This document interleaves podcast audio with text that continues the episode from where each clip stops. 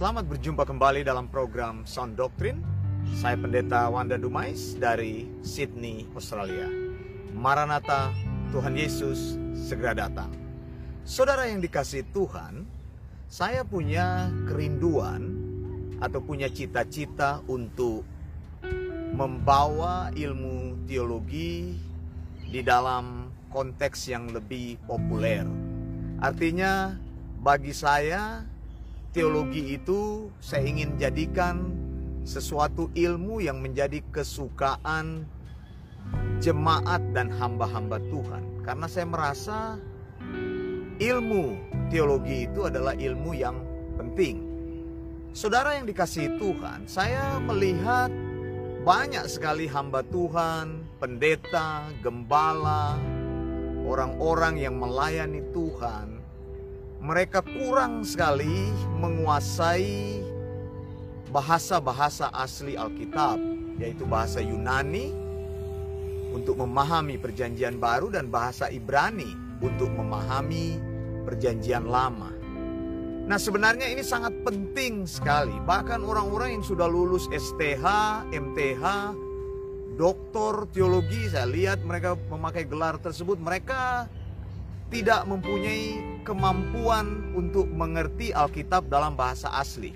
Itu sebabnya saya ingin menawarkan kepada setiap orang yang punya kerinduan untuk belajar bagi para pendeta, hamba Tuhan, gembala sidang, saya ajak kalau Anda mau, saya ingin beri kesempatan kepada Anda untuk belajar secara gratis kuliah Sound Doctrine dari Eleos Theological School dan di situ kita akan belajar bahasa Ibrani dan bahasa Yunani membaca Alkitab dalam bahasa asli.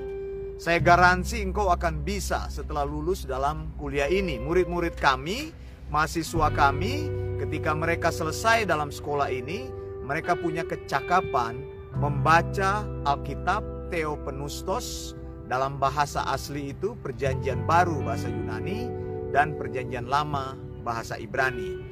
Jadi kepada mereka yang ingin belajar silakan hubungi saya. Kami menyediakan kuliah melalui Zoom. Saudara yang dikasih Tuhan, hari ini saya ingin bicara mengenai Lukas 9 ayat 23. Firman Tuhan katanya kepada mereka, setiap orang yang mau mengikut aku, ia harus menyangkal dirinya, memikul salibnya setiap hari dan mengikut aku. Ayat ini bisa dibagi menjadi empat bagian. Yang pertama, setiap orang yang mau mengikut aku, aku di sini adalah Yesus, artinya mau hidup sama seperti Yesus ketika Yesus hidup sebagai manusia di bumi. Lalu yang kedua, ia harus menyangkal dirinya. Kalimat ini disampaikan dalam bentuk auris imperatif ya dalam bahasa Yunani. Lalu yang ketiga, memikul salibnya. Kalimat ini juga disampaikan dalam bentuk auris imperatif. Lalu kata setiap hari artinya mati setiap hari. Dan yang kelima dan mengikut aku atau mengikut Yesus disampaikan dalam present imperatif. Jadi ada dua hal di sini yaitu penyampaian Yesus disampaikan dalam auris imperatif dan disampaikan dalam present imperatif. Makanya saya bilang tadi, para pendeta hamba Tuhan, pelayan Tuhan penting untuk belajar Alkitab, penting untuk memahami Alkitab dalam bahasa asli, bahasa Yunani dan Ibrani, supaya menafsirkan Alkitab, mengajar Alkitab tajam, bisa tepat mengajar kepada jemaat. Nah, apa itu auris imperatif? Ya, saudara yang dikasih Tuhan, auris imperatif ini muncul sebanyak 762 kali dalam 616 kali ayat perjanjian baru. Nah ini penting sekali. Banyak sekali muncul kalimat auris imperatif. Sekali lagi 762 kali dalam 616 ayat jemaat atau eh, maksud saya ayat di perjanjian baru. Apa itu auris imperatif?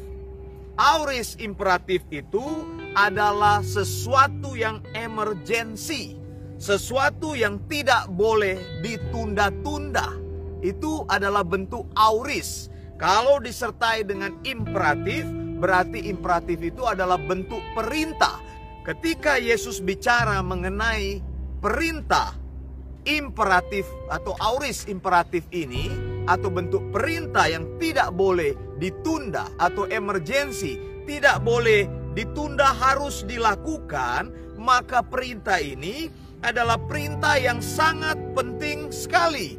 Lukas 9 ayat 23 ada dua auris imperatif. Artinya tidak boleh berlambat-lambat.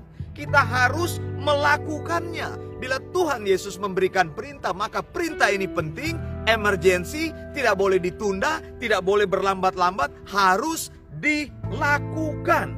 Saudara, ini adalah kerinduan orang yang sudah ditebus Tuhan. Kalau engkau mengalami anugerah yang saya sudah katakan, grace dan mengalami mercy, maka kerinduan orang-orang yang sudah ditebus Tuhan itu adalah mereka ingin melakukan perintah Yesus tanpa berlambat-lambat. Sekali lagi, kalau engkau mengasihi Yesus, engkau mau melakukan perintahnya tanpa menunda, tanpa berlambat-lambat. Saudara, apa sih sebenarnya keistimewaan kita percaya kepada Yesus? Ada empat hal saya mau sampaikan.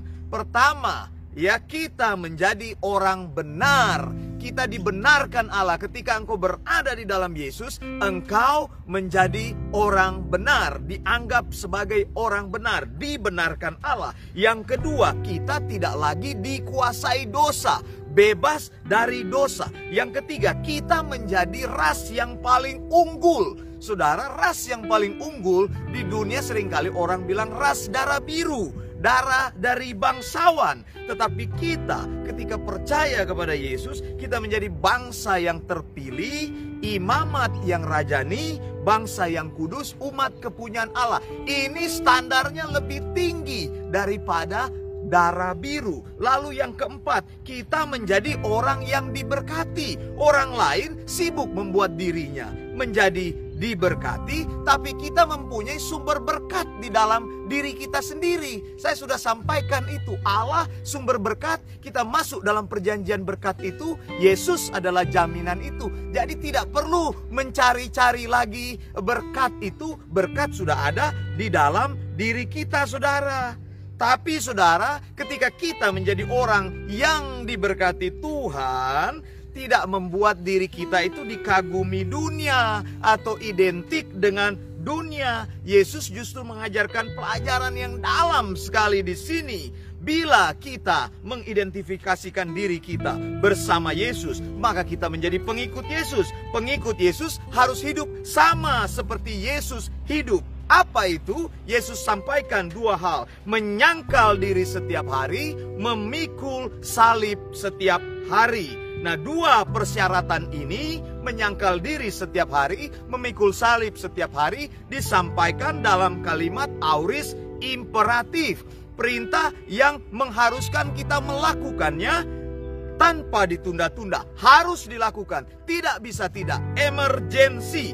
Jadi menyangkal diri dan memikul salib artinya kita mati setiap hari. Maksudnya apa pendeta Wanda Dumais? Mati setiap hari menyadari bahwa manusia lama kita sudah mati tersalib bersama Yesus di kayu salib.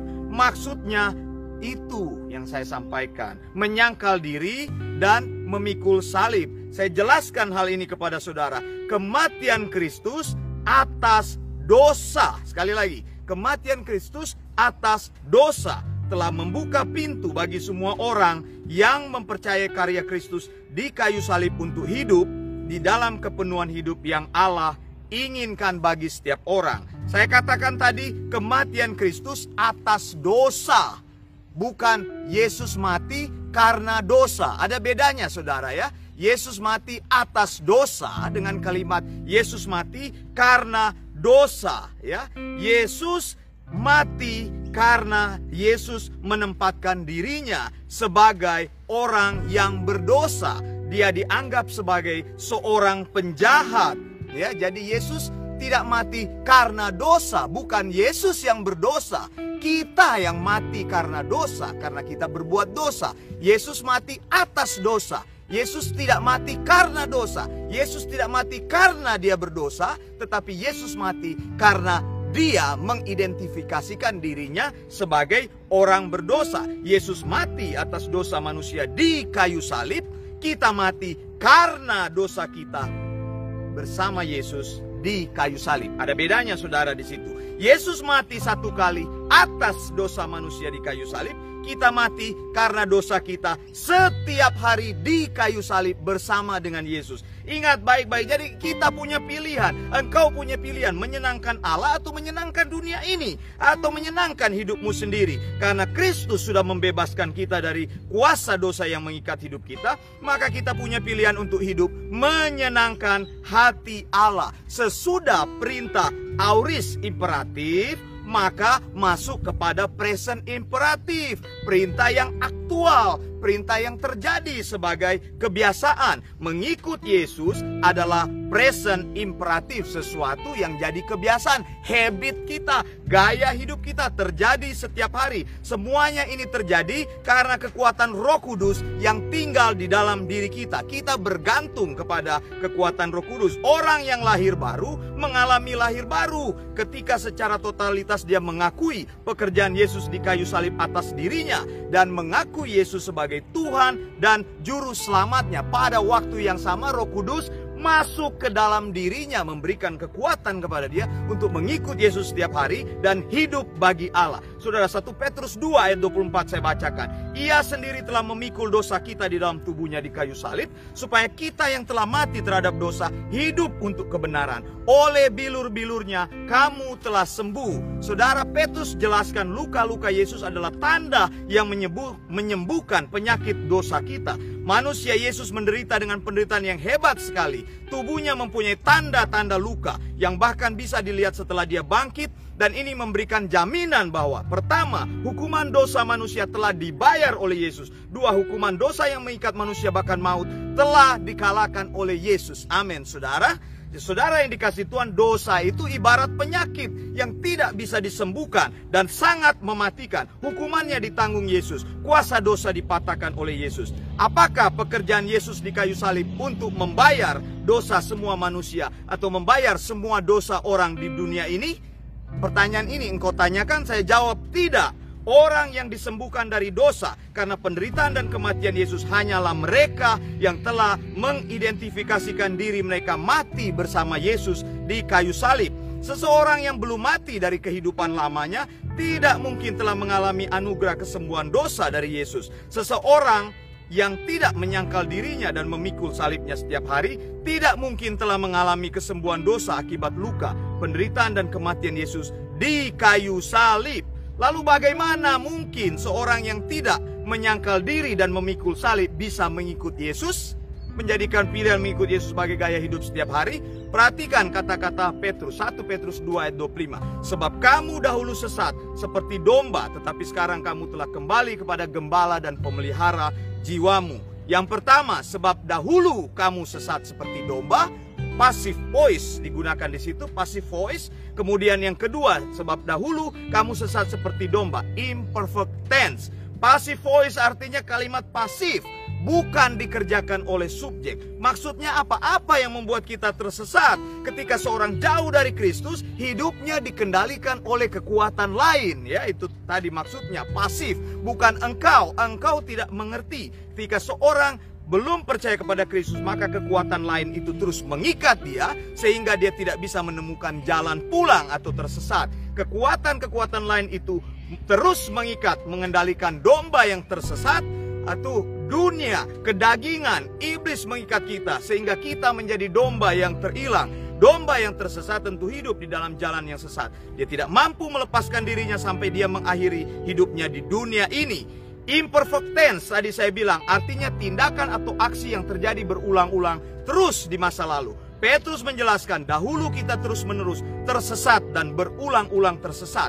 Kita tidak mampu keluar dari kesesatan itu karena ada kuasa lain yang mengikat dan mengendalikan hidup kita. Seperti itulah hidup orang yang belum mengalami kuasa salib Yesus. Anugerah Allah memampukan kita untuk terlepas dari kuasa itu melalui salib Yesus. Artinya mereka yang telah menerima korban Kristus di kayu salib yang sanggup mengalami hidup yang baru dilepaskan dan mengalami kesembuhan secara penuh. Sejak engkau menerima Kristus di dalam hidupmu, engkau mengalami kemerdekaan dan hidup sebagai orang yang sanggup menyenangkan hati Allah. Betapa hebatnya salib Kristus. Terpujilah nama Tuhan dari sekarang sampai selama-lamanya. Saya Pendeta Wanda Dumais dari Sydney, Australia. Maranatha, Tuhan Yesus segera datang. Blessings.